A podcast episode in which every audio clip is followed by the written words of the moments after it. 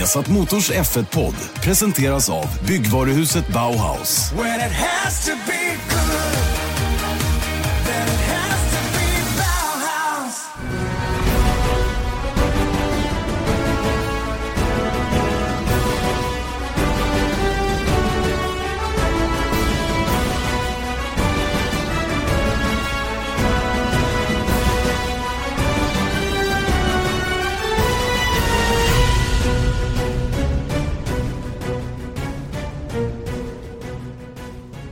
Mycket välkomna till eh, veckans Formel 1-podd som laddar upp inför eh, nästa utmaning, nämligen eh, Ungerns Grand Prix i Formel 1. Eh, Janne Blomqvist hemma i Lagga-studion, Erik Stenborg i Viasat-studion. Ja, box 3, golf, eh, det är där jag håller till nu för tiden. Det är där Ja. golfarna är. Ja men eller hur, det har blivit så. de har ju varit borta över helgen också så den är inte så använd. Nej, exakt. Och stora skinnsoffor. Just det, varför är det så? Varför ska de ha sköna stolar och vi andra när vi väl nu sitter hemma sitter på någon pinnstol? Det kan jag inte förstå riktigt. Vet, golfarna, de har så mycket pengar, de har säkert köpt dem själva. Tagit hit dem. Så är det säkert.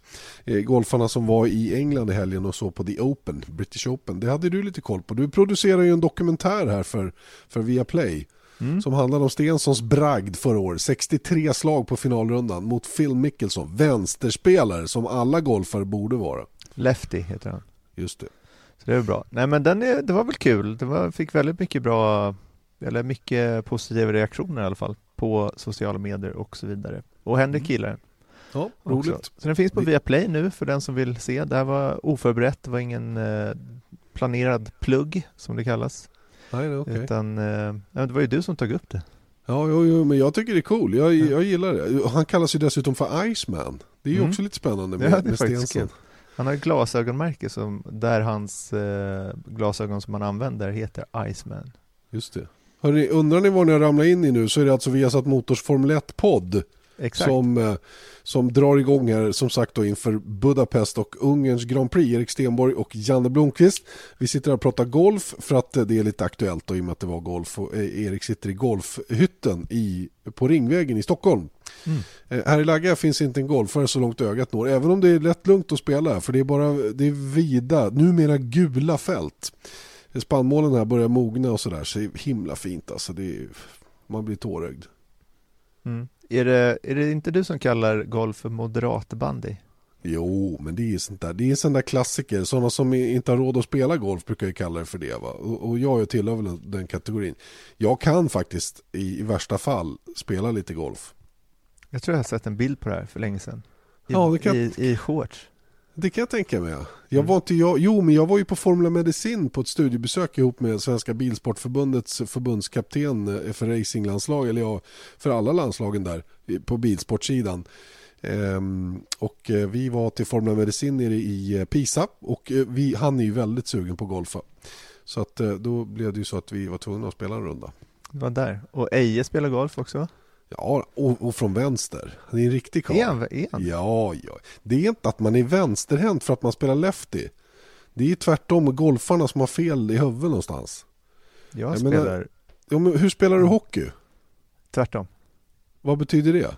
Men, du Inte- spelar left. Ja, Du left, spelar le- eh, lefty leftskytt och högerskytt på golf. Ja, det är ju det som är tokigt. För Mm. egentligen är det samma grepp. Nej, jag vet, det där kan man diskutera till döddagar. Nu, har vi inte, nu ska vi inte göra det här till någon golfpodd, känner Nej. jag. Kanske finns oss- utrymme för det däremot. Ja, det, det kan tänkas. Jag tycker det är roligare att prata om det som vi faktiskt kan och att vi nu då ska åka till Budapest och Ungern. Det här är ju en, eh, för många i alla fall, eh, uppe på våra breddgrader är det här lite grann av en höjdare då innan sommaruppehållet. Precis slutet på juli, många svenskar har semester, kanske också många finländare. För det är många finländare som åker till Budapest.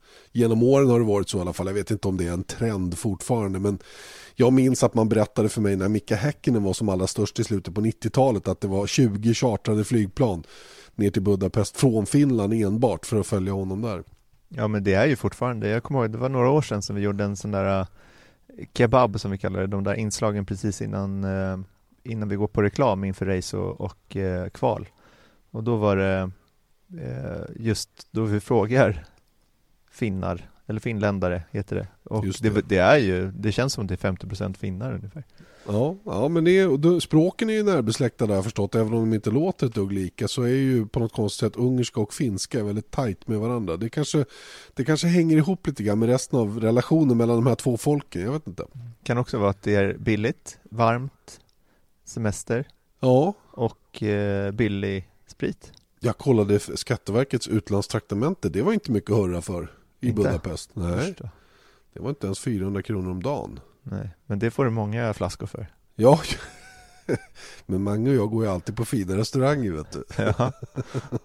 och andra saker. Ja, eh, nej, Nej, vi- vi släpper det här nu absolut. direkt. Eh, banan som sådan har ju funnits med sedan 1986, det känner de allra flesta till. var ju det första racet som gick bakom järnridån. Eh, har ju varit oerhört mycket bekostat utav Philip Morris och Marlboro som var stor sponsor till det här racet under en herrans massa år. Nu är det väl inte riktigt så länge men den är, den är fortfarande kvar på kalendern eh, ganska många år senare och eh, känns inte helt omodern. Banan har ju uppdaterats, den har asfalterats om ett antal gånger, man förlängde start och målrakan för att göra den lite modernare när det gäller omkörningar och sådana saker. Och jag, jag på något sätt gillar det. Det enda som inte är så kul det är ju kommentatorshytterna där som kanske skulle behövas en liten uppfräschning med tanke på Kanske. vad vi betalar för dem. Alltså det, det, det är de sämsta hytterna. Ja, det är Monza. Montreal. Monza, ja Montreal är ju kass på ett annat sätt men det går ju nästan inte, de, de, spelar inte i samma liga men av det som är någorlunda permanent i alla fall så tycker jag Budapest och Monza faktiskt är de sämsta. Mm. Ja men det är ju så här, jag kan bara beskriva hur det ser ut. Alltså det är gamla trädörrar som är spruckna och det är, liksom, det är fuktskador överallt. Det är bara, och med tanke på som du säger, vi betalar mycket pengar alltså. Bra Ja. bit över 50 000 per helg Ja, för att få sitta där. Och det är, bara en, det är bara en tom eh, låda liksom. Ja, ja, och inte ljudisolerat, ingenting. Ni kan ju tänka er på den tiden det var, det var lite mer högljudda motorer. Det gick ju inte att höra, det gick inte att höra oss när vi satt på start och mål. Det gick inte att höra vad vi sa när bilarna passerade. Och efter ett tag, på ett sånt kort varv som det är i Budapest, så är bilarna utspridda över hela banan. Så det var alltid någon som passerade nedanför. Det var ett, det var ett elände verkligen, rent ljudmässigt. Eh, i, I tv och återgivningsmässigt va, men, men i övrigt så är inte det något stort bekymmer. Ja, men vår ljudkille Christer han klagar varenda år som, Ja, som men- att det vore nytt. Han glömmer ju bort vad han var förra året också. Så att, Ja, så kan det vara. Det har varit några spännande race också i, ehm, i Budapest. Jag ber om ursäkt för min röst. Jag har åkt på någon konstig sommarförkylning som inte känns så rolig, men den ska vi nog klara av. Eh, det har varit några roliga race där nere, tycker jag. Eh, var det inte Mansell som vann mästerskapet rekordtidigt ett år? 92? Jo, Måste det väl ha varit det. världsmästare? Schumacher har klappat ihop det där också. Just det, just det, med bara fyra, fem tävlingar, ja, fem, sex tävlingar kvar. Det var inte så lika långa kalenderår då på det sättet eh, på den tiden när de körde. Eh, jag minns ett annat race, det var 2003. Det var, det var ju mitt under Ferraris dominansår. Och, eh, och Fernando Alonso vann sitt första race då i en Renault. Han varvade Michael Schumacher den gången. Det tyckte jag var lite fränt. Jag tror han vann och- före Kimi Räikkönen också. Det kan nog tänkas ja. Det kan nog tänkas. Och sen eh, kommer jag ihåg Heikki Kovalainen vann sitt, eh, var, vann, vann racet i, Budapest. Ja, Ungern. Det var hans väl enda. hans, Var det hans enda seger? Okej. Mm. Eh, vet jag kommer ihåg det av en speciell anledning för vi på den tiden hade vi inte så, var inte så avancerat tv-team på den tiden. Det var jag och Eje kort och gott och en Mm. kamera som vi försökte sköta själva. Och precis innan start klockan 12 på söndagen hade vi fått en stund med Heikki uppe i, i där, eh, deras MTC eller vad det kallas, eh, McLarens motorhome. Och eh, Eje skulle sköta kameran. Och eh, ja, Oj, oj, oj. Det bara bara det, den kommentaren är inte bra. Eje skulle sköta kameran. Exakt, exakt. Och ni vet ju när man sitter snett emot en, en person och ska få, få, prata med den så vill man ju alltid lägga intervjuoffret i ena halvan av bilden. Mm. På ena sidan så att säga. Eh, Eje körde lite modernare snitt, han la honom på fel sida. Mm. Så att eh, det blev helt tokigt. Men vi hade kul ändå. Så det var ju, och vi fick väl hem en eh, 30 sekunder eller någonting också. För på den tiden var man ju tvungen att skicka eh, bilderna som en datafil. Och det var inte världens snabbaste internet. Så det tog en liten stund innan det kom hem. Mm. Det är bra jobbat. Eller hur? Så det var ju också ett eh, kul. När var det? 2008 va? 2008 tror jag att det var. Mm. Och sen har vi ju två år tidigare så vann Jenson Button sitt första race Mm. i Budapest. Ett eh, sånt där eh, regntorrt regnrace. klassiska Så- ögonen som nästan sticker ut genom integralhjälmen på. Button när han går i mål där. Den bilden glömmer man inte. Nej. Nej, det, det, det har varit mycket, mycket fräna race där och jag kommer ihåg, var det 2000 i, den här ny, i det nya reglementet så var det ju ett år också när Daniel Ricciardo gick och vann va? och Mm, Mercerna var körde på 2014 är jag ganska Var det säker 14? på. Ja, det kan tänkas. Ja. Det första året med, den här, med de här hybridbilarna då. Och, och jag minns att jag tyckte att det var så bra att vi för en gång skulle ha ett race där däcken räckte något. Mm. Vilket gjorde att det blev lite push. Tidigare den säsongen hade det varit väldigt mycket hålla igen och, och alla hade liksom försökt anpassa strategier fartmässigt genom att köra så långsamt som möjligt. Här var det precis tvärtom det blev ett rock'n'roll-race utan dess like. Mm. Vad Ja, vad men vad jag, gillar... vad- Ja, förlåt, vad sa ja, du? men jag tycker toppen att vara där. Senaste gången jag var där var faktiskt 2014 och det var där eh, då Ricciardo vann. Därför jag minns det lite extra Ah, kanske. Okej, okej. Eh, Eriksson var i Caterham och eh, kraschade där va? Då, jag tror att han gick av eh, på, Ja, stämmer. om det var kva- kvalet eller? Nej, nej, nej, nej, det var i början på racet för det var lite blött i inledningen och eh, han åkte ur kurva, genom kurva 3 och så ner till kurva 4 då fick han så baken släppt och så fick han en retur och så Mm. bara pff, sköt Ja, han det var iväg. lite blött där ute på, på liksom konstgräset tror jag. Eller Exakt. någonting sånt där. Så det, jag kommer ihåg att eh, chassit knäcktes och Ja, det var en liten... Vi, eh, faktiskt efter racet så gick vi igenom garaget och såg, eh, och det var inte mycket det var sprucket, men det hade spruckit lite grann. Så eh, det, och det här var ju då när Caterham hade det som allra mest jobbigt också ekonomiskt. Så att, eh, det var lite tufft i allra, i allra högsta grad. Gillar du Budapest, Hungaroring? Ja men det- alltså jätte, jätte alltså framförallt så tycker jag om Budapest. Jag tycker att det är en fantastisk stad. Det är bara två mil ifrån banan. Så det går ganska hyfsat lätt att ta sig dit och Mm. man kan bo rakt in där vid Donau. Och det, alltså det är en otroligt vacker stad. eh, Förhållandevis billigt. Eh, sen är det väl lite problematiskt med politiskt där och allting sånt som man kanske inte ska älska alltihop. Men, men eh, om jag skulle säga tre banor som man ska besöka är ju Monza. Just av den anledningen också, att man kan bo inne i Milano och ta tåget ut till, till banan. Eh, Texas, bara för att jag tycker det är coolt Ja. i Texas. Och samma sak där, det händer väldigt mycket i stan. Tar man med sig familjen så finns det gott om saker att göra. Men och sen så är det Budapest, för jag tycker att eh, slutet på sommaren, det är semester och nästan alltid vackert väder och billigt. Jag tror att eh, det kan vara ett av de mest liksom, fördelaktiga ekonomiskt eh, ja, racen att åka till. Mm, mm, absolut. Plus Eh, sen, en, ja. en sak till är ju att Ja. du ser ju banan nästan överallt. Jag tror att det vart du än står så kan du i stort sett se 80% av banan. ja, det stämmer nog ja.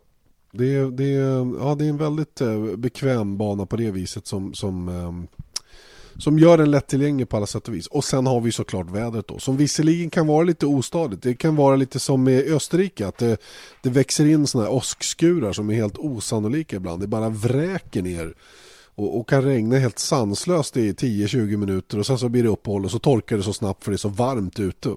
Och asfalten är så varm så att blötan försvinner nästan på en gång. Så att, eh, den, den, ja, den har verkligen sina egenheter. Mm. Och trots att det är så dåligt, liksom, det, det är ju en liten bana, det, är, ju- den kallas ju Monaco utan hus. Eh, och det är inte så dum faktiskt den liknelsen med tanke på hur liten banan är, det är smalt och det är mycket svängar hela tiden. Och eh, det är ju samma liksom downforce-konfigurationer i stort sett i Monaco och i, i Budapest. Så det är väldigt, väldigt svårt att köra om. Men det går ju. Och det blir ofta bra race där tycker jag trots att det är så svårt. Om man bara tittar på 2014 hur, vad saker och ting kan ställa till det med lite väder och, och vind liksom. Visst, visst 17 är det så. Jag har varit lite osäker nu på vad de hade valt för... För visst är det bara... Visst hade de bara... Det var inte ultrasoft va, i Budapest? Nej, supersoft, soft, medium. Och det kan jag tycka är lite konstigt måste jag säga. Nu, nu har inte jag riktigt koll på asfaltens egenheter i förhållande till till exempel Österrike då, som är en likvärdig bana rent längdmässigt då, och dessutom snabbare än vad den här är. Där kör man ultrasoft men inte här i Budapest. Förmodligen har det lite grann med temperaturen att göra men det är inte direkt svalt i Österrike heller. Nej. Så jag, jag, jag förstår faktiskt inte riktigt hur och varför man inte tar den mjukaste gummiblandningen när man åker till Budapest. Men de har ju varit konservativa det är väl lite det de har erkänt själva dessutom Jo, också. visst, men, men de har ju ändå varit aggressiva. De var ju aggressiva med valen till Silverstone till exempel. Varför kan de inte vara det här? Det här är samma däckblandningar som på Silverstone. Mm. Ja, och det, känns inte, det känns inte rimligt måste jag säga. Det är, ja, jag vet inte. Det är Speciellt konstigt. när det inte är så höga farter eller? Nej men det är det jag menar, banan är inte jättesnabb utan det är, det är, det är någonting annat då som de måste ta hänsyn till. Jag vet inte om det är om det är traction och, och sådana grejer som gör att bakdäcken inte får vara för mjuka för att de inte håller och, och vad det nu är. Men eh, någonting gör ju att de ändå väljer supersoft, soft och medium för att köra just på, på Hungaro Ring då. Du får gå och skälla ut Mario Isola så, så fort du kommer ner. Ska ta honom direkt. Vad är det du håller på med? Du, eh, eftersom de inte började köra förrän 1986 så har vi inte haft några svenska framgångar på den här banan.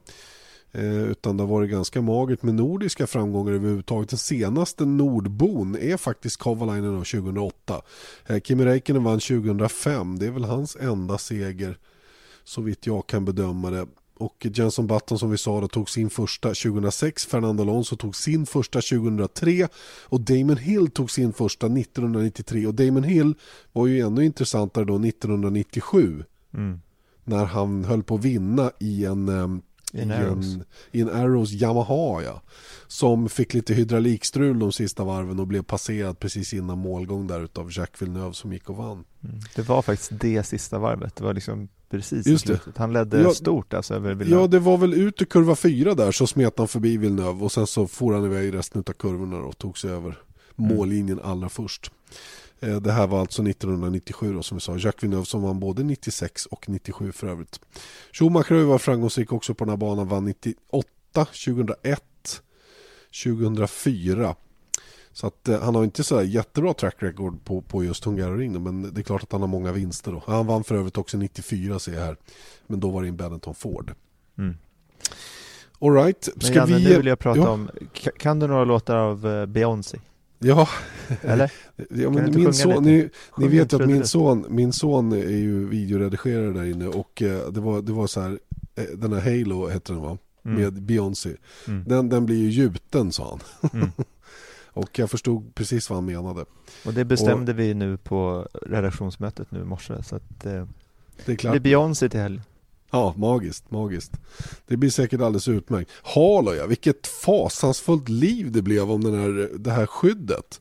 Mm. Jag, hade, jag var inte riktigt beredd på reaktionen om jag ska vara riktigt ärlig. När Fia nu tog beslutet att införa grejen. Vilket jag hade förväntat mig att de skulle göra redan till förra säsongen. Då det egentligen är den enda, den enda anordning som de har testat någorlunda ordentligt och, och låtit förarna köra runt med. Och ehm, det, det, det var, jag blev riktigt tagen på sängen faktiskt. Och jag måste säga att eh, jag är lite, lite förvånad också över hur många av de så kallade experterna i depån som har dissat hela grejen för att den är ful bara. Mm. Och, och, också hur många som utgår ifrån att den kommer att se ut exakt så som den har sett ut i testutförande. Mm. För det kommer Men... den ju inte att göra tror jag. Utan den kommer ju naturligtvis att fixas till. Det kommer sättas på lite småvingar och den kommer framförallt ha rätt färg. Jag undrar ens om man kommer att märka att den sitter där när väl racen är igång och så vidare. Va? Klart på närbilder och så, så kommer man ju se den. Va? Men, eh, men just utseendet, nej, det vet jag inte. Det, är ju, det där är ju en gammal käpphäst för min del. Jag har ju sällan bekymrat mig så mycket över hur saker och ting ser ut. Det är klart det jag kan vid första anblicken tycka saker är fula. Men sen så vänjer man sig så himla fort så att man bryr sig inte om det i slutändan. Men låt oss reda ut begreppen lite grann. Det var ju i veckan då som eh, FIA har bestämt sig för att, eh, eller har presenterat då att vi kommer införa Halon och det är alltså den här bågen som går rakt framför ögonen egentligen på föraren upp över huvudet och sen så delar den sig i två och fästs liksom bak till på airboxen i stort sett och det är som en störtbåge helt enkelt. Ja, eh, en, en halo skulle ja. man kunna säga. Eftersom det blir då som en gloria över huvudet då, vilket halo betyder. En, en gloria och då sitter liksom eh, förarens hjälm där innanför och därav såklart huvudet också.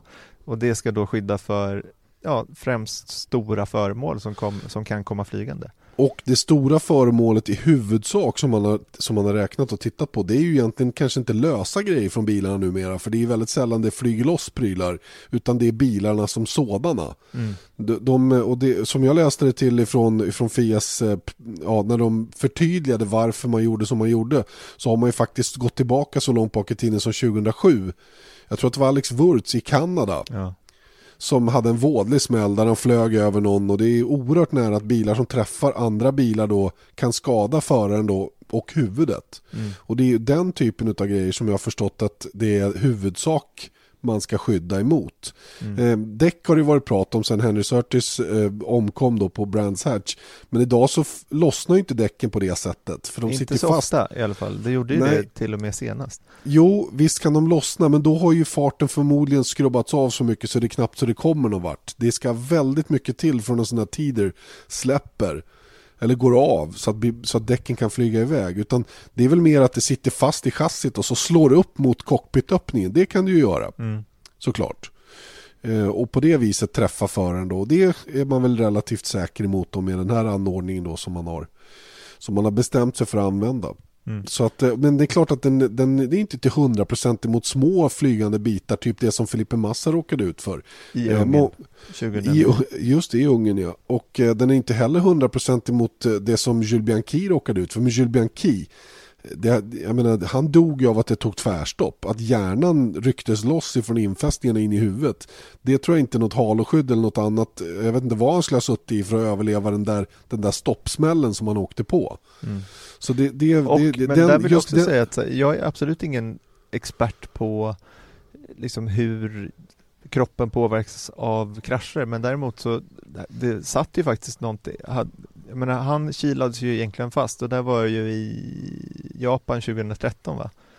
14 eh, Ja, ja det var 2014 mm. och då går han av och då har eh, Adrian Sutil, tror jag Kraschat innan. Kraschat innan. Så där står mm. ett räddningsfordon och eh, eh, Bianchi kanar av och liksom kilas fast under det här räddningsfordonet mm. och därav huvudet då tar som jag Stopp. förstår det, det är ingen som har sett det liksom faktiskt men att det tar en direkt träff mot ett Ja, du vet, man vet ju hur Mo sådana där ser ut. Ja, men det är som en motvikt på lastaren som gör att den inte ska tippa framåt. Mm. Och den här motvikten sticker ut lite grann bakom så man kan alltså köra in bilen under, bakom bakhjulen. Mm. Och så träffar då eh, huvudet då, Bianchis mm. huvud träffar den där, där ja. överhänget då så att säga. Ja, och jag ska inte säga att jag eh, vet det här, för det gör jag inte, men däremot så hade det suttit en Halo där som i alla fall hade tagit första stöten. Det hade fortfarande blivit en jättesmäll men man vet inte, han kanske hade liksom överlevt. Ja, Vem vet? Ja, det är möjligt. Det är möjligt. Ja, ja det, där, det där ger mig inte in på det medicinska. För som jag förstod det så, så är det själva stoppet mm. som gör att hjärnan lossnar. Liksom. Och, och, en sån skada repar man sig inte ifrån. Jag tror att det, det blir sånt höghastighetsvåld. Mm in i huvudet så att säga. Så att det, det är svårt. Då. Men, men å, återigen, alltså, det medicinska det, det släpper jag. Mm. Oavsett vad så, så har det ju funnits önskemål även från förarna om att skaffa ett bättre frontal head protection som det här kallas då. Och eh, nu tog man det här beslutet att införa den del, eh, det, det, som man som sagt har testat mest och eh, som, som är funktionellt. Sen har det provats lite vindrutor och annat då, som, som förarna inte har varit helt nöjda med och därför så är de inte aktuella just nu. Mm. Det, det intressanta är också att folk tror att det här är någonting som kommer att sitta på bilarna för tid och all evighet. Så är det väl inte. Utan det, nu tar man beslutet till nästa säsong. Och jag är ganska säker på att kommer det fram någonting annat under resans gång så kommer man givetvis att byta om man uppfattar att det är bättre. Mm. Men nu har man ett skydd som faktiskt fungerar tillfredsställande enligt FIA när det gäller hållbarhetsberäkningar och vad det nu det är klart att det är testat ordentligt. Mm. Eh, även i det, för de som har suttit på bilarna nu när man har kört runt på banan, det har ju varit plastprototyper. Så att det har inte varit den riktiga grejen så att säga, utan den har ju suttit mest för att förarna rent visuellt ska kunna se och känna sig för hur det funkar. Och den enda jag pratar med om det är ju Marcus Eriksson och han har inte haft några synpunkter på det rent, rent siktmässigt så att säga. Nej, och det sa han redan innan han testade själv. Men, men det som är intressant också är att väldigt många, och det är ju sånt här som man själv tänkte på i början när man såg den här Halon. De började alltså 2014 redan att köra runt med den här välvalda fredagsträningar till exempel. Eh, och det är ju just att förarna inte kommer se och att det kommer bli väldigt svårt för förarna att ta sig ut, att det kan bli ett, en motsatt effekt, till exempel om man slår runt och eh, man inte kan få ut föraren. Däremot så måste ju alla som kritiserar också ta med sig som du säger att FIA har ju gjort enormt mycket tester på det här, kommer fram till att eh, utrymningsfrågan till exempel, den är tillfredsställande också. De har testat, de har stimulerat det som Alonso var med om i eh, Australien 2016 var det va? När han hamnar på sidan upp mot ett räcke och det går eh, förhållandevis lätt att ta sig ur eller det går enligt eh, de stadgarna som finns i reglementet att ta sig ur. Och, men framförallt då att den kommer se annorlunda ut. Den här kommer ju såklart målas i eh, bilens färger. Det kommer vara aerodynamiskt utformat, vilket den inte är idag. Det är ingen sån här så här ska den se ut, sätt på den på bilen, utan man kommer få, det är samma sak som att man krocktestar en bil.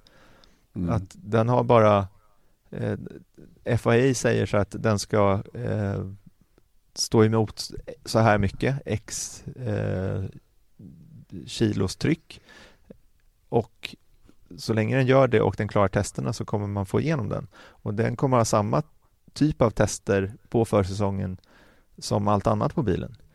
Så att vi kommer se många olika Halos och de kommer ha en, till en viss del aerodynamiskt utformad. Så de kommer kunna sätta vingar och lite grejer. Så det kanske till och med ser lite coolt ut så, så snart man har vant sig, säger jag.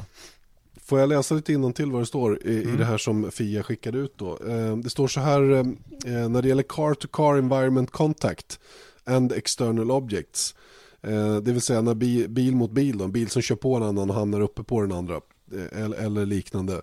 Så, så mm, gjorde man då, ehm, eh, man, har, man har visat upp tester då som man har, som man har gjort då, bil mot bil så att säga då, där Harlem var möjlig att stå emot 15 gånger när det gäller statisk belastning av 15 gånger mer än den fulla massan av en ordinarie bil. Eh, och eh, det är ju, eh, och, och, och, då menar man was able to significantly reduce the potential risk for injuries. Mm. Det vill säga tar ner risken för att skada sig ganska avsevärt. När det gäller bil, bil, car to environment, jag vet inte vad jag ska säga på svenska, bil där man träffar barriärer och sådana saker. Så, så var också Halon enligt de tester och mätningar man har gjort då, eh, gjorde det möjligt då för att eh, hjälmen inte skulle träffas av någonting så att säga då när det gäller just en barriär eller en mur eller vad det nu kan vara då. Mm. Eh, och då har man använt ett urval av tidigare incidenter som en slags referens för de här bedömningarna. Så jag, jag, eh, jag, det är ingen idé jag sitter och läser igenom det här. Jag, jag, jag, tycker ni kan gå in och läsa det själva om ni är nyfikna på det och inte gjort det redan. Men, men eh, jag tycker vi måste ge Fia lite cred för säkerhetsarbetet som man faktiskt utför. Det är så lätt och jag är förvånad över hur många som är lite självutnämnda experter som skriver att det där kommer inte att klara sig och sådana smällar. Det är ju, vilka är det som egentligen har några siffror på vad den här grejen funkar, klarar? Förutom mm. teamen själva och FIA. Ja, inte är det någon annan så vitt jag vet i alla fall. Nej. Och jag ska inte sitta och försvara den. Däremot så har jag ingen anledning att misstro det som FIA skriver. Det, det, är ju liksom, det, det, den här grejen tar man inte fram för att vara elak mot tittare eller de som sitter på läktarna. Den här är ju till för att skydda förarna. Mm. Och det har de ju önskemål om att bli. De har önskemål om att bli extra skyddade runt huvudet. Mm. För, det, för det är fortfarande den springande punkten när det gäller förarsäkerheten. Och jag tycker bara att här, allt... All, Okej, okay, jag säger så här. För att vara helt ärlig. Jag tycker att det är snyggare utan. Jag tycker ja. att det är mer, att det ser mycket bättre ut och jag tycker att den ser lite konstig ut utifrån det man har sett idag. Sen så har det kommit ut eh, lite konceptbilder på det där hur den skulle kunna se ut nästa år och det är någon privatperson som har gjort det förvisso så att det finns ingenting att, att gå på där. Men, men all motivation som jag tycker man behöver är att ifall en förare skulle skadas svårt eller gå åt nästa säsong om man hade valt att säga nej det här är för fult då tror jag inte att man hade mått speciellt bra om man hade varit drivande i den frågan att det vore förskjuta krak, det, ja. det vore krakaktigt att vika sig för den typen av opinion. Punkt. Ja. Jag menar, och, här måste ju alla, vi kommer ju få skit för att vi pratar så här nu för att vi väljer sida på det här sättet. Men det handlar inte så mycket om att välja sida för mig. Utan det handlar mer om att titta på det på ett någorlunda objektivt sätt. Man kan inte, man kan inte bortse ifrån att säkerheten är en viktig del. Och sen har vi det här argumentet motorsport är farligt. Det har alltid varit farligt. Vad är det för argument? Mm. Det blir Skulle inte ofarligt köpa- av det här heller. Ja, men skulle du köpa det som argument, vem den handlar om när de sitter och kör, att, att risken för att mista livet finns? Eh, Och det är klart att det, det är inte väldigt ofta den här typen av skador inträffar, men det är fortfarande, för allt annat har man ju lyckats bygga bort när det gäller säkerhet. Banor, bilarna i övrigt och allt vad det nu är. Hjälmarna är ju förbättrade avsevärt. Men det finns en liten, liten del kvar som man har haft problem med att hitta en, en, en bra lösning för. Och den Som här är sker säkert- då och då. Ja, som sker då och då. Och det här är inte det perfekta lösning, verkligen inte. Och jag är helt övertygad om, som jag sa tidigare, det kommer att hända massor på det här området. Men någon gång måste man ju börja. Mm. Sätt in den här prylen nu och låt det vara. Jag håller med, den ser för jävlig ut. Men, liksom skönhet eller säkerhet, för mig är valet enkelt. Mm. Ja, jag har ingenting mer att tillägga där heller. I så fall, vissa som säger så här att det där motorsport är farligt. Ja, men vad då? Ska vi ta bort räckena och sätta höbalar där istället då? För det var inte varenda tävling som, som eh, du vet, på, vad var det, Le Mans 55 när det drog ut en, en bil i publiken och dödade 100 pers. Jag menar, det händer ju inte varenda dag heller, så det är väl, man ser ju sämre, man ser ju sämre med räcken Mm. som Ja, målskådare. ja, ja, ja. Men det, det är liksom konstiga För att jag menar Visst, jag tycker liksom Det är någon tjusning i att Formel 1 är farligt och motorsport är farligt att det, liksom, det finns någonting där också Och det är därav jag tror att de här Roborace inte kommer vara Nej. I varje fall för mig så kommer jag ha svårt att, att knyta an till det Men och, och, Men det har ingenting att göra med att jag vill se blod liksom Nej, Utan nej. det, det är någonting annat Du, titta, titta hur mycket människor som står och tittar när Mayweather och den här, vad nu heter, McGregor står och förolämpar varandra på skoj mm. i teater. Det är teater. Och det står 50 000 galningar och skriker bara och tycker det där är hur ball som helst. Vi är ju lite konstiga vi människor, det är ju Mm. så. Vi gillar gladiatordelen väldigt hårt och högt. Japp. Alright, det om detta. Halo som sagt fasligt liv blev det och jag vet inte om vi har gjort någon gladare över det här resonemanget men ni får ta det som det kommer. If you thought the only way to get a more defined jawline with natural looking results was through surgery, think again. Juvederm Volux XC is a non surgical injectable gel filler that improves moderate to severe loss of jawline definition and can help you achieve natural looking results with little downtime. Even better, this improved definition lasts up to one year with optimal treatment. No maintenance required. Improve jawline definition for a smooth, sculpted look with Juvederm Volux XC. For important safety information and to find a licensed specialist, visit juvederm.com. That's J U V E D E R M.com. Not for people with severe allergic reactions, allergies to lidocaine, or the proteins used in Juvederm. Common side effects include injection site redness, swelling, pain, tenderness, firmness, lumps, bumps, bruising, discoloration, or itching. There's a risk of unintentional injection into a blood vessel, which can cause vision abnormalities, blindness, stroke, temporary scabs, or scarring. Talk to a licensed specialist to find out if it's right for you. Efter Ungerns Grand Prix Erik så är det ju dags för lite tester. Det är ju fyra stycken in-season test days som det heter på engelska då, alltså testdagar under säsong. Eh, två av de här fyra testdagarna ska vara vikta åt eh, förare som har gjort två Grand Prix eller färre. Eh, det vill säga inom citat rookies då. Och eh, eftersom det för Saubers del var så att Marcus Eriksson och Pascal Wehrlein körde varsin dag i Bahrain när de två första dagarna körde så har de inga möjligheter i Sauber att köra någon av de ordinarie den här testen. Och eh, vi har ju berättat om det tidigare att Gustav Malja kommer att köra för Sauber den här testen och han gör det på tisdag. Eh, den andra dagen, onsdagen, den går till, till Nobuhara Matsushita. Mm. Och då, vi börjar hos Sauber då när det gäller de här testerna så, så är det ju många som drar slutsatsen då att det trots allt blir Honda-motorer för Sauber nästa säsong men det är inte jag riktigt lika säker på. Nej. Det, och det bygger vi på för att vi har andra eh, uppgifter. Ja, dels det och sen är det ju så att den här testen är planerad sedan länge och man byter ju inte bara testförare på, på en veckas, en eller två veckors, eh, vad heter det? Eh, tids, tidsram utan eh, det är klart att Matsushita kör vidare Honda kanske vill att han ska köra ändå Mm. Eh, För det är ju de som betalar för testen. och, eh, och så vidare. Va? Så att det, det, det, det, där ska vi inte dra för stora slutsatser runt omkring faktiskt. Jag tycker vi lämnar Matsushita, han är ganska ointressant i det avseendet. Mycket, mycket roligare att prata Gustav Malje i sånt fall. Svensken då som får chansen i Formel 1-bil för första gången nu då. Välkommen i klubben för övrigt Gustav, jättekul att du kunde ansluta. Jag måste säga det, verkligen. Mm. Efter ditt eh, lyckade Anderstorp-teps. Ja, eller hur, eller hur. Eh, hur som helst så, um, så ska Gustav nu köra och uh, ja, vad, vad, kan vi, vad kan, det är svårt med de här testerna för det, det är ju inte så att, um, vi har pratat om det tidigare, det, det är inget som står med ett kontraktsförslag direkt efter en dag i en Formel 1-bil och säger att gud vad bra du var, vi Nej. vill ha dig. Absolut inte. Jag tror snarare att det skulle kunna vara så att det är mer internt. Se vad han går för. Ja. Eller se vad vilken förare som helst går för. Oavsett vem det är som, som tittar, att man, man kan pricka av folk efter ett test i alla fall.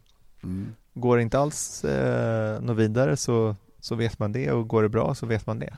Mm.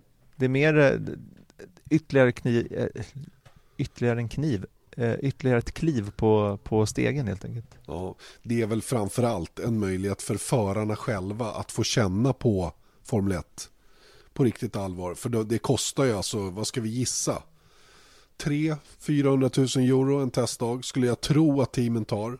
Mm. Beroende på vilken bil då? Såklart. Ja, såklart är det ju så. Jag tror kanske inte att, um, att Mercedes junioren George Russell betalar det till Mercedes, men det är, det är nog där kring det ligger för en testdag. Det blir så roligt då när man ser att um, att de skriver att, att Williams ger Luca Giotto chansen. Mm. Luca Giotto, italienaren som kör i, eh, för Russian Time i F2 i år, eh, får chansen nu att testa för Williams. Han har ju naturligtvis köpt den där dagen mm. utav Williams och det är därför han kör eh, för dem. Charles Leclerc däremot för Ferrari, det tror jag däremot är en Ferrari-grej för han är ju Ferrari junior. räknar upp några av de här roliga namnen då som kommer att vara med. Lucas Auer är mm. ju BVT-sponsrad i, i DTM. DTM. Mm. Och då är ju kopplingen given att han även testar för Force India. Lucas Auer som är systerson var till Gerhard Berger som bossar över DTM. DTM som fick sin riktig ja, smäll i kistan häromdagen när Mercedes sa att de drar sig ur efter nästa säsong. Eh, Lucas Auer kommer att få sällskap i Force India av Nikita Mazepin, en mm. ryss som väl är sisådär och kör Formel 3 eh, EM just nu då och inte varit jätte jättestark.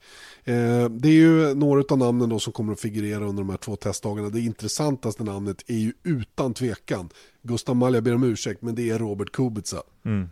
Det måste bli Robert Kubica som liksom blir headline-gubben här som, som ska få eh, testa även en modern Formel 1-bil nu då och verkligen visa om, om han har fysiken. För det är många som tvivlar fortfarande, även om han har kört nu väldigt många varv då i en bil från 2012 så är det många som ändå undrar hur pallar han ett race på Silverstone till exempel eller någon annan väldigt tuff bana. Mm. Ja men och dels då med alla inställningar och sånt som man behöver göra på ratten. Det är än mer jämfört med 2012 med, med alla hybridsystem och, och så vidare.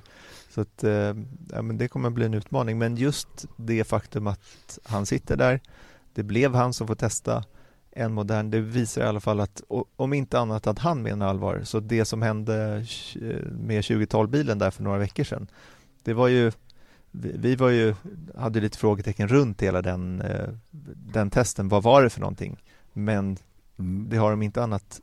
Om man inte var det redan då så har han ju blivit seriös med att försöka ta sig till Formel 1.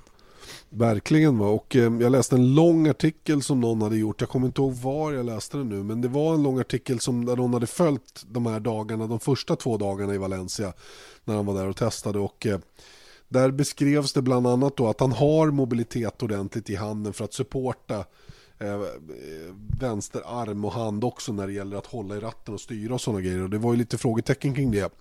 Eh, men däremot så växlar han, det enda modifiering man har gjort är att han växlar upp och ner med vänster hand. Mm. Så, fi så fingrarna är nog inte riktigt på banan eh, på högersidan då, utan det är på vänster sida och han växlar upp och ner, han har två paddlar för det då. Och då kommer vi, då ska det sitta en koppling där och lite sådana prylar. Så det är inte helt lätt att modifiera saker och ting så som, som man måste enligt reglementet då för att det ska passa en förare av Robert Kubica då, av, mm. av hans kaliber. Ja. Eje skrev faktiskt till mig också nu på ett sms. Man kan ju undra med vilken hand Kubica gör alla ändringar på ratten med. Mm. Om man ja, har tillräckligt det.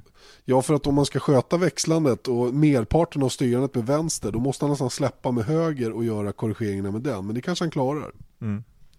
Ja, det vet jag inte, men, men det, det, jag kan tänka mig att de får väl specialbygga någonting där också. Det finns inga eh, liksom inget reglemente som säger att de till exempel rattarna skulle vara lite större.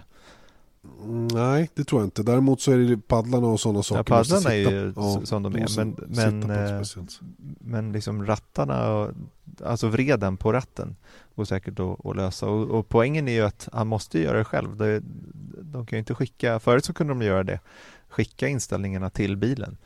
Men eh, nu är det, ligger det på föraren att, att vrida de där rattarna själv. Ja, och eh, vi har faktiskt en lyssnarfråga idag som, som är på det temat som vi kan komma till om en stund.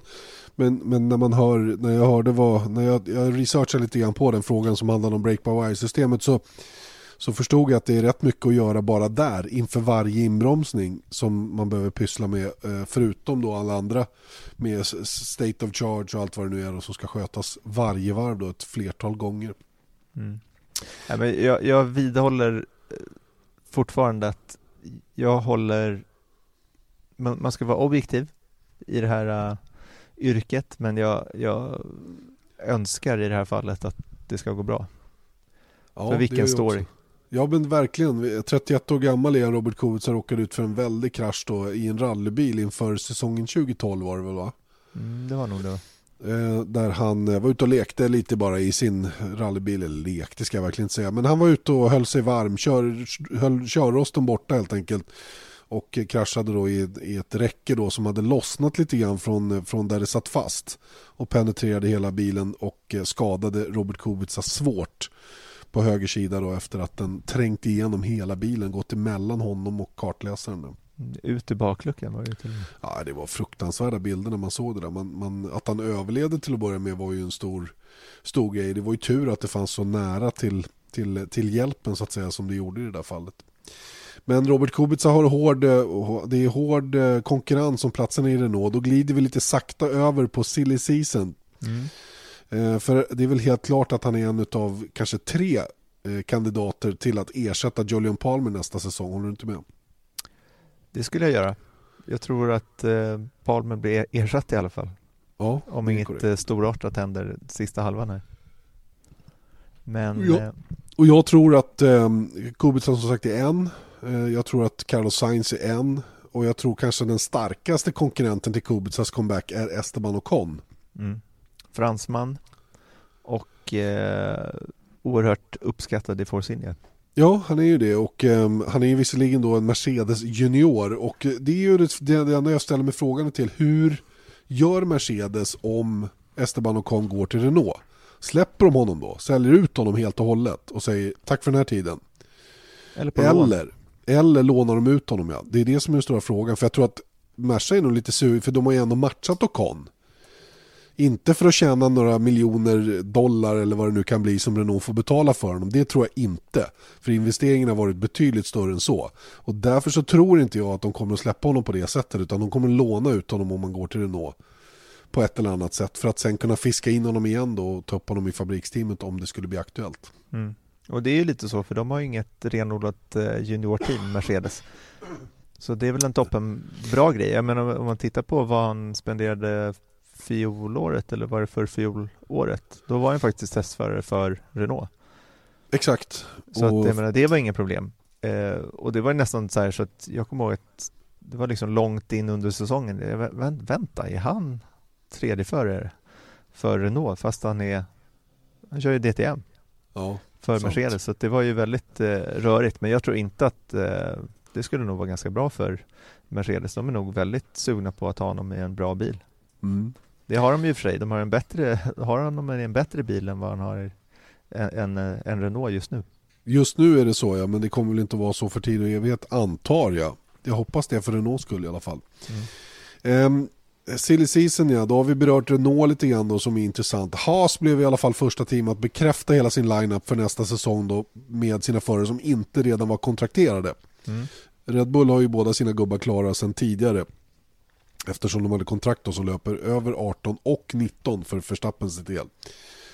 Eh, och min fråga är, kommer det hända så mycket egentligen? Tror du det? Blir det några öppningar? Åker Kimi Räikkönen nu till exempel? Ja, vi pratade om det förra veckan och eh, det är ingenting som har hänt där. Inte ett smack. Jag bara tänkte om du hade funderat något mer. Vad, vad tror du? Åker han ut eller vad, vad ska de ersätta honom med?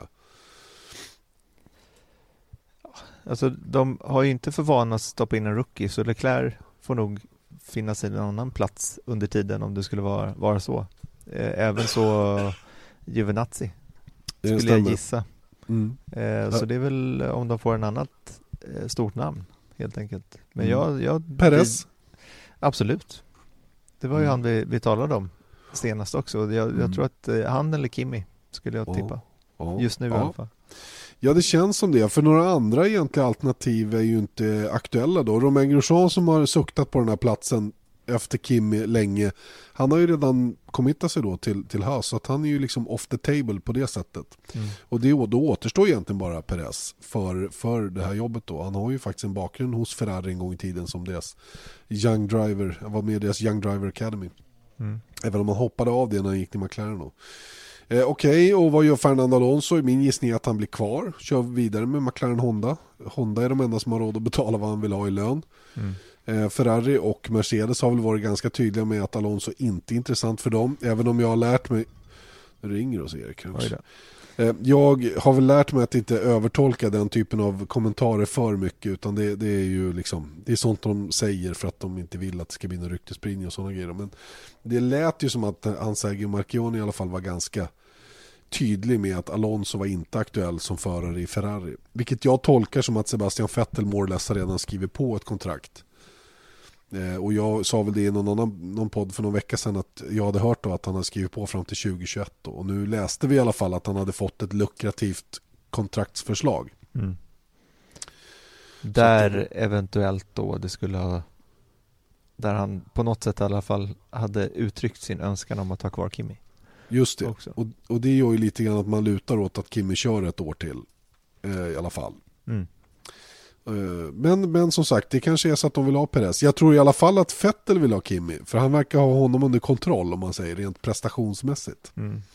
Sen så undrar jag om Fettel eh, bestämmer så mycket. Men om de är liksom hyfsat nöjda med Kimi. Han har ju ändå visat lite speed på senare veckor. Så att, det är väl inget jättedåligt val. Men jag skulle faktiskt föredra Perez. För det är kul att se honom där. Ja, det vore väl kul med någon ny, något nytt namn liksom. Det är kul när det händer lite grejer. Mm. Längre bak finns ju mycket öppningar då. Vi pratar ju Force India, Perez och Khan, båda intressanta för andra team. Det kan ju bli så att Force India behöver två nya förare mm. till nästa säsong. Och det kan ju öppna upp för vår svenska deltagare till exempel. Mm. Som var sjukt nära att ta den där platsen som Ocon fick i Force India redan till den här säsongen. Men som föll på målsnöret lite grann. Eh, vad händer med Pascal Wehrland? Jag skrev i min blogg där jag gjorde ett långt sånt där silly season att jag är nog inte så säker på att han har det där stödet från Mercedes längre. Jag tror att de kommer att cut him loose efter den här säsongen. Mm. Och eh, det gör ju att han hamnar i en lite prekär situation. För var ska han hitta medel som gör att han kan köra vidare då? Det tror inte jag han löser. Så jag, jag, jag är rädd för att det här kan vara sista säsongen för Värland i Formel 1, den här gången i alla fall. Mm. Och det är ju det som är problemet för, för förare som är knutna till team. De får ju otroligt mycket hjälp till att komma in i Formel 1. Om man tittar på Red Bull, vi har pratat eh, mycket om att det är ett hård miljö i Red Bulls juniorprogram, men när du är klar där så att säga, då är du borta. Jag menar, det är ingen eh, Red Bull-förare som har liksom gått från Red Bull till ett annat team. Vad nej. jag kan minnas i alla fall. Nej, att, nej, det, det, släpper de en, då är man borta. Och visst. det är lite samma sak för att man har inga, det är skillnad om man kommer in med sin egen finansiär. Kolla på Stroll då. Skulle Williams inte vilja ha honom, då skulle ju han, han kunna eh, hamna någon annanstans istället för att han har backningen. Det är inte Eh, Williams som har liksom fostrat honom till att köra Formel 1. Utan det, är inte de som har stått för investeringarna så att säga, utan det, det, är ju, det kommer från annat håll. Och jag tror det här med att vara obunden eh, och inte ha några liksom vara var tvungen att lyssna till någon, någon, någon, som har stått för fiolerna så att säga. Det, det är en ganska unik situation som inte så många förare har Nej. i Formel 1. Marcus Eriksson är en av dem som faktiskt har ett gott ekonomiskt stöd Det, det är ju ingen hemlighet. Och han har inga, han, har, han är fri. Mm. Så att säga va. Och, och Men eh, det gör man ska också tillägga då Förlåt? man ska tillägga då att han är fri. Det är han. Men det är ju så länge, å andra sidan är det ingen skillnad på att om Mercedes släpper den eller om ens egna finansiärer släpper den. Nej, nej, nej. nej. Men Kolla på utgår- Nasser till exempel. Jag utgår ifrån att han naturligtvis har det supporten kvar om det här, den, hans manager vill att han ska flytta vidare så att säga. Va? Mm. Men de behöver ju inte lyssna på någon speciell. De har inga, inga barn med någon så att säga. Va? Utan man har en tämligen fri position. Det är ju Perez är ju en annan förare som har det på det viset. Grosjean Magnussen delvis. Mm. Eh, också då eh, lite på, på egen kraft eller med egna lösningar så att säga kvar i Formel 1 då. Och det, det ska de ha all heder av. Va? Men är man en junior och inte når hela vägen fram i något till exempel som Värland är nu då, som klart har blivit passerad av Ocon i den interna ligan så att säga i Mercedes. Och sen står nu George Russell och bankar på dörren och kommer köra Mercedes-bilen under testen här. Det, är ju, det säger ju en del om hur hårt det ändå är att man måste leverera under de här under en kort period när man faktiskt får möjligheten att visa upp sig. Och, och Pascal eh, Wehrlein vann DTM, hamnade i Manor, gjorde väl ett okej jobb och så nu då i Sauber där han också har gjort ett okej jobb, till och med bättre än vad Eriksson har gjort så här långt rent resultatmässigt. Och, eh, men det räcker inte. Och det där vet jag att det är många som har svårt att acceptera, va? men det gör inte det. Det räcker inte. Mm. För när Mercedes säger stopp kring Wehrlein, då är det stopp. Men man måste liksom- också tänka på att det finns en anledning till då antagligen att Mercedes säger stopp. Vad det, det är, det kan man inte, det vet ju inte vi. Men däremot, skulle de säga stopp så, så har de god anledning till det. Exakt. För att de behöver flytta resurserna till någon annan förare. Som också behöver support för att ta sig upp. Och de, de, visst, man kan ju hålla hur många bollar som helst i luften. Men till slut så tappar man ju någon. Mm. Och det jag. blir, för, ja, men det blir enorma pengar också Ja, ja. att ja, driva ja, visst. vidare på det sättet. Ingen tvekan. Så det ligger lite bakom mitt resonemang just kring honom då. För det var många som ställde sig frågade till varför jag trodde att Marcus hade större chanser att bli kvar i Formel 1 än vad Wehrlein har. För många tycker att Wehrlein är bättre än vad Marcus är. Men det är inte det som kommer att betyda något i slutändan. Det är hur fri man är. Och vilken möjlighet man har att eh, liksom vara tillgänglig när möjligheterna dyker upp så att säga. Sen betyder det ju såklart att man är bra. Men Självklart. det, det är ju Men det är andra liksom- premisser också. Vi har ju passerat den nivån där man är tillräckligt bra bara genom att ta sig in i Formel 1 så att säga. Mm. Eller hur? Ja, absolut. All right. det, det var lite grann om silly season. Det är, vi kommer inte så mycket längre med det där just nu. Så att jag tycker vi kastar oss rakt in i veckans lyssnarfråga. Vad säger du om det? Jag tycker det. Sen vill jag bara säga att jag tycker det är väldigt, väldigt kul att Kevin får vara kvar. Ja, vi, Måste du hänger kvar lite grann. Ja, men det är klart att det är det. Det ska ju bli ett Grand Prix i Köpenhamn och allting nu. Så det är Nej, klart exakt. måste vara kvar. Nej, men jag tror att eh, liksom, det är oerhört bra för eh, skandinavisk motorsport att vi har faktiskt fyra förare därifrån. Det är liksom som det, är. det är dansk tv du tänker på. Ja, det tänker jag också på. Det hjälper oss enormt mycket. Eh, men eh, vi delar ju då på våran produktion så att utan dem så hade vi inte kunnat göra det vi gör. Men också att intresset är så pass stort i Danmark och eh, det kan väl sprida sig över bron. Visst, visst 17 är det så. Visst 17 är det så. Så Mm. att eh, vi, vi håller tummarna för det. Och sen var det ju så här, i ärlighetens namn hade varken Grosjean eller Magnusen så mycket bättre alternativ att gå till. Jag tror att de sitter ganska bra i den båten sett till hur de, hur, vad möjligheterna att hitta något bättre var. Mm. Tror du inte det? Jo, absolut. Jag skulle tippa på att eh, Monsieur Eriksson skulle inte tacka nej till den där. Absolut inte. Styrningen. Verkligen inte. Alright, är vi klara med silly season nu? Ja, Magiskt. Då går vi vidare med lyssnarfrågan. Är det okej nu då? det går bra. Varsågod. Den, ly, den lyder så här. Hej Janne och Erik. Tack för en fantastisk podd. Min fråga handlar om Break by Wire. Många förare har problem med den. Hur får man till känslan i den? Och hur påverkas bromskraften? Tack för mig. Ja, det var lyssnarfrågan det, som handlar om Break by Wire. Tack så mycket för, för berömmet där förut, de tycker om våran podd. Eh, Break by Wire, BB, BBW som grabbarna i depån säger, är ju en liten fin, intressant sak. Och frågan här handlar lite grann om hur man hittar den rätta känslan. Och jag tolkar lite grann som att frågan också handlar om hur det skiljer sig det här Break by Wire-systemet som är delvis datastyrt då, mot en vanlig bromsvåg.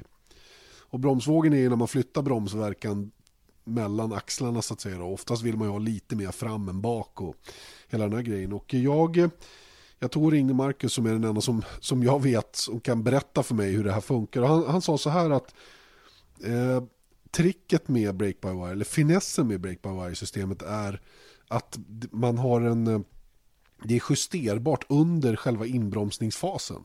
Förstår du? Typ. Så du, du kliver på bromsen jättehårt initialt när du ska börja bromsa och då kanske du har 60-40 fram bak. Mm. Sen ju mer du kliver av bromsen, in, närmare mot apex du kommer, desto mer kryper bromsvågen bakåt. Mm. För att göra bilen stabilare och stabilare beroende på hur man vill ha den givetvis. Det här är ju också justerbart. Så att eh, på det viset så är det här ett mycket mer flexibelt system men också svårinställt system vet vi ju.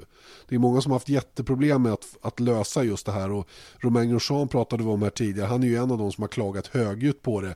Inte bara på vilket material han kör utan även på hur känslan i bromsen har varit.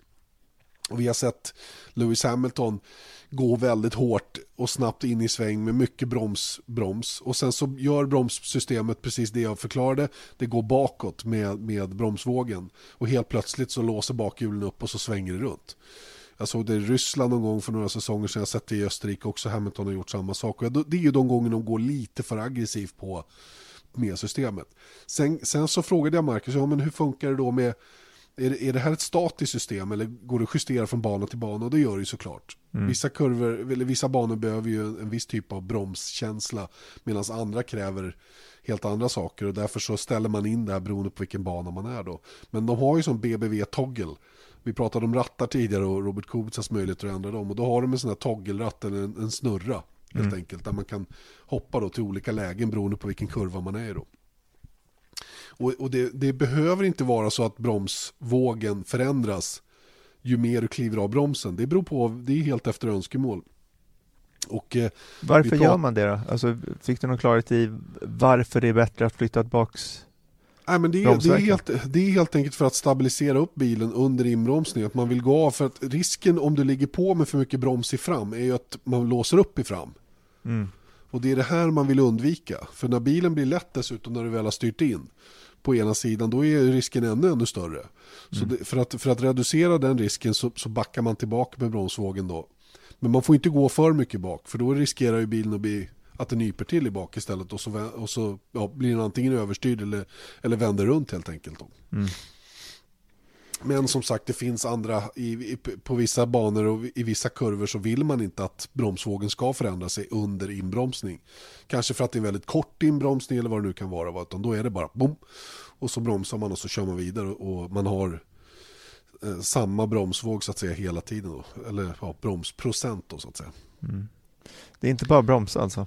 Verkligen inte, men det här har det ju skett väldigt mycket utveckling på. Och jag, jag frågade Marcus också huruvida det här huruvida systemet att man var tvungen att anpassa systemet efter hur mycket curse man vill ha. För det, curse är ju alltså när man använder bromsarna för att ladda upp eh, MGUK som är den som har fastställd eh, hästkraftsnivå till 160 hästar. Eh, men det, det, har de tydligen lyckats lösa numera. Det, det har utvecklingen gått framåt så mycket så att man behöver helt enkelt inte fundera över det. Utan nu kan man enbart jobba med break-by-wire-systemet utifrån den känsla föraren själv vill ha ifrån bilen. Då. Mm. Och det här, det här är ju en, en, en ruggig utveckling mot hur bromsvågar har varit tid. Du har ju själv tävlat med bilar med bromsvåg. Ja. Och, och, du vet ju hur det där mekaniska vridandet fram och tillbaka. Idag är det mycket, mycket mer sofistikerat än så. Och det är klart, när det pajar, vilket det kan göra, då blir det ju problem. Och det kan vi höra ibland, BBW failure säger de och så kanske de får programmera om eller gå till något default setting bla bla för att starta om hela systemet eller vad det nu kan vara. Va? Och det är väl baksidan med att göra det för komplicerat. Mm. Ja men alltså, det, det inte, ja jösses. Jag tyckte det var jobbigt att, eh, apropå bilar med bromsvåg, jag kunde inte ens hantera det. Jag, jag låste upp varenda kurva i stort sett. Därav sitter jag och pratar med dig istället för att köra Formel 1. Mm. Eller hur? Men det är nog klokt att vi gör det. Man ska göra det man är bra på. Jag tror det också. Inte bara att köra i alla fall. Det, det, är, det är bättre att göra rätt än fel, om man säger så. Ja. Du, eh, ja det var det. Det var lyssnarfrågan. Blev du något klokare på det här egentligen? Ja, Jag tycker att det var intressant educated. att höra den tekniska eh, frågan för att jag är inte så världsbäst på just sådana frågor så det var kul att, att höra. Jag visste inte om det där att den, att den flyttade bromsverkan automatiskt så att säga. Det, det gjorde faktiskt inte jag heller. Men därför så är det bra att veta, eller ringa till en som man vet kan. Mm, det är mycket Eller bra. Ska vi, ska vi tippa också innan vi lägger ner? Ja, det tycker jag jag tycker det är göra. toppen med tips. Fasen vad det är roligt med det här tipset alltså. Det Ja, har ju det- gått så grymt bra på slutet också. Det går upp och ner lite ibland motivationsmässigt så tycker jag, men eh, Det var en stark 3-1 senast. verkligen. Och jag måste ju också säga det att det är alltid nya chanser liksom. Eller Det, det är det som är så häftigt med motorsport, att det är liksom det kommer någonting nytt, alltid. Det gör ju det. Och Eh, eh, ska du eller jag börja? Jag Du- ska du börja börjar. Du med börjar. min magkänsla och det är nämligen det här att eh, som sagt, jag förstår inte varför det är bättre rent konkret, men Ferrari har en kort hjulbas. Så jag går på det att eh, egentligen är det ju helt puckat för att en Mercedes stått i pole position här sedan varje år sedan 2012. Mm. Så därför Tjugo. ändrar jag mig. Så att jag säger eh, Bottas i pole. Du kör en luring så där som jag gjorde här. Ja, eller, ja just det. eller totalt eh, en vimsig. helomvändning. Ja. En helomvändning. Okej, Bottas i pole säger du. Vem vinner då? Det gör Sebastian Vettel och snabbaste varv gör Kimi Räikkönen. Kimi Räikkönen, okej. Det är bra, bra tips. Inte rätt men bra. Mm.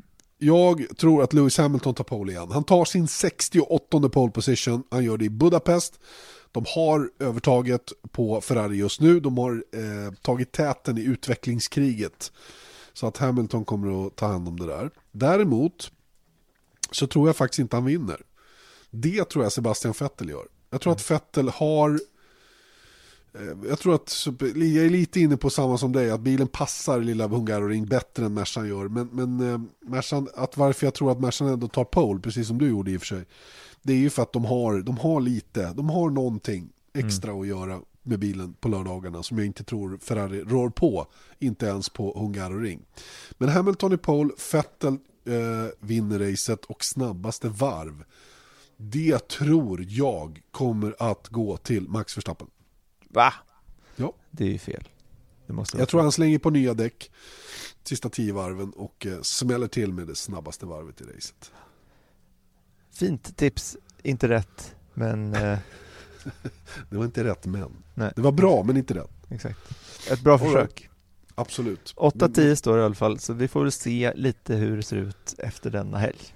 Exakt. Jag skulle säga att det står 10-8 i och för sig. Ja, ja, jag vet inte. Jag är ju, E kommer före J va? Ja, så är det. Ja. Det beror på vem som är hemma eller bortaplan. Det är så här, det där har sportreportrar rent generellt svårt med. När man ska använda eh, den lägsta siffran först eller tvärtom. Man förlorar en match med 2-1. Mm. Men en match kan också sluta 1-2. Mm. Vilken använder man var? Hemmaplan har är först. Ja, om man säger att Sirius Halmstad, vilket Mm. är aktuellt eftersom Sirius är bättre än vad Halmstad är där Mange bor. Mm. Där matchen, matchen slutade 2-1. Mm. Då är det ju så här, Sirius först och då blir det deras siffror. Va? Men, men Sirius Halmstad, slut, äh, Sirius Halmstad 1-2. Då förlorade Sirius. Just det, Mm. så är det. Va? Men en match, man kan också säga att Sirius förlorade mot Halmstad på bortaplan med 2-1. Men då ska man ju inte vända på siffrorna. Nej. Nej. Men eh, du, jag släpper dig så får du fortsätta prata här. Han, Janne han somnade där helt utmattad han fortsätter försöka reda ut de här grejerna. Men man ibland kan bli lite förbannad på sig själv. Och, Nej men man blir trött på reportrar som inte kan det där. Det där är ju elementärt. Elementärt min kära Watson. Det står i alla Du- fall 8-10. Just det. Ja. Om, Janne leder över Erik med 8-10. Exakt. Så är det. Hörru du, eh, jag går och packar väskan. Är det okej? Det går bra det. Du får inte glömma dina Q-cards för jag skickade hem till min, din son idag. Jag har ligger i inte stå... ryggen. Vad säger Jag har, jag har ligger i ryggen faktiskt. Ja, du har hittat de, dem nu? de blir oftast kvar där bara, det är det som är problemet. Ja, okej. Men kom, kom ihåg att ta med dem nu då. Just det, Så får det det. se lite representabel ut i rutan. Jag ska det, jag ska det. Jag lovar att sköta mig. Och sen eh, stannar ju jag och Mange över Gustavs test på tisdag. Ja. För att vi vill ju se hur det går. Och Ja. därmed visa er andra hur det går också. Ja. Så Det- att, eh, hå- håll utkik efteråt där så kommer vi att leverera på våran webb. Yes, och till sändningen inför spa Just det, just det. såklart. Omstarten efter sommaruppehållet ja. Alright, då säger jag eh, tack och slut varulvstjut. För att citera någon Bert. barnboksförfattare. Bert var det, just det. Eller tack och hej leverpastej. Mm. Hur som helst, vi hörs om en vecka igen. Sä, vänta, klart slut varulvsljud, säger man ju. Jaha, har det Ja. det var? Ja. Okej. Okej. Ja, men då vet jag det. Då kan jag det till nästa gång. Ja, bra. Toppen. Ha det hej, så bra. Erik. Vi hörs. Hej. hej, hej. hej. Vesat Motors F1-podd presenterades av byggvaruhuset Bauhaus.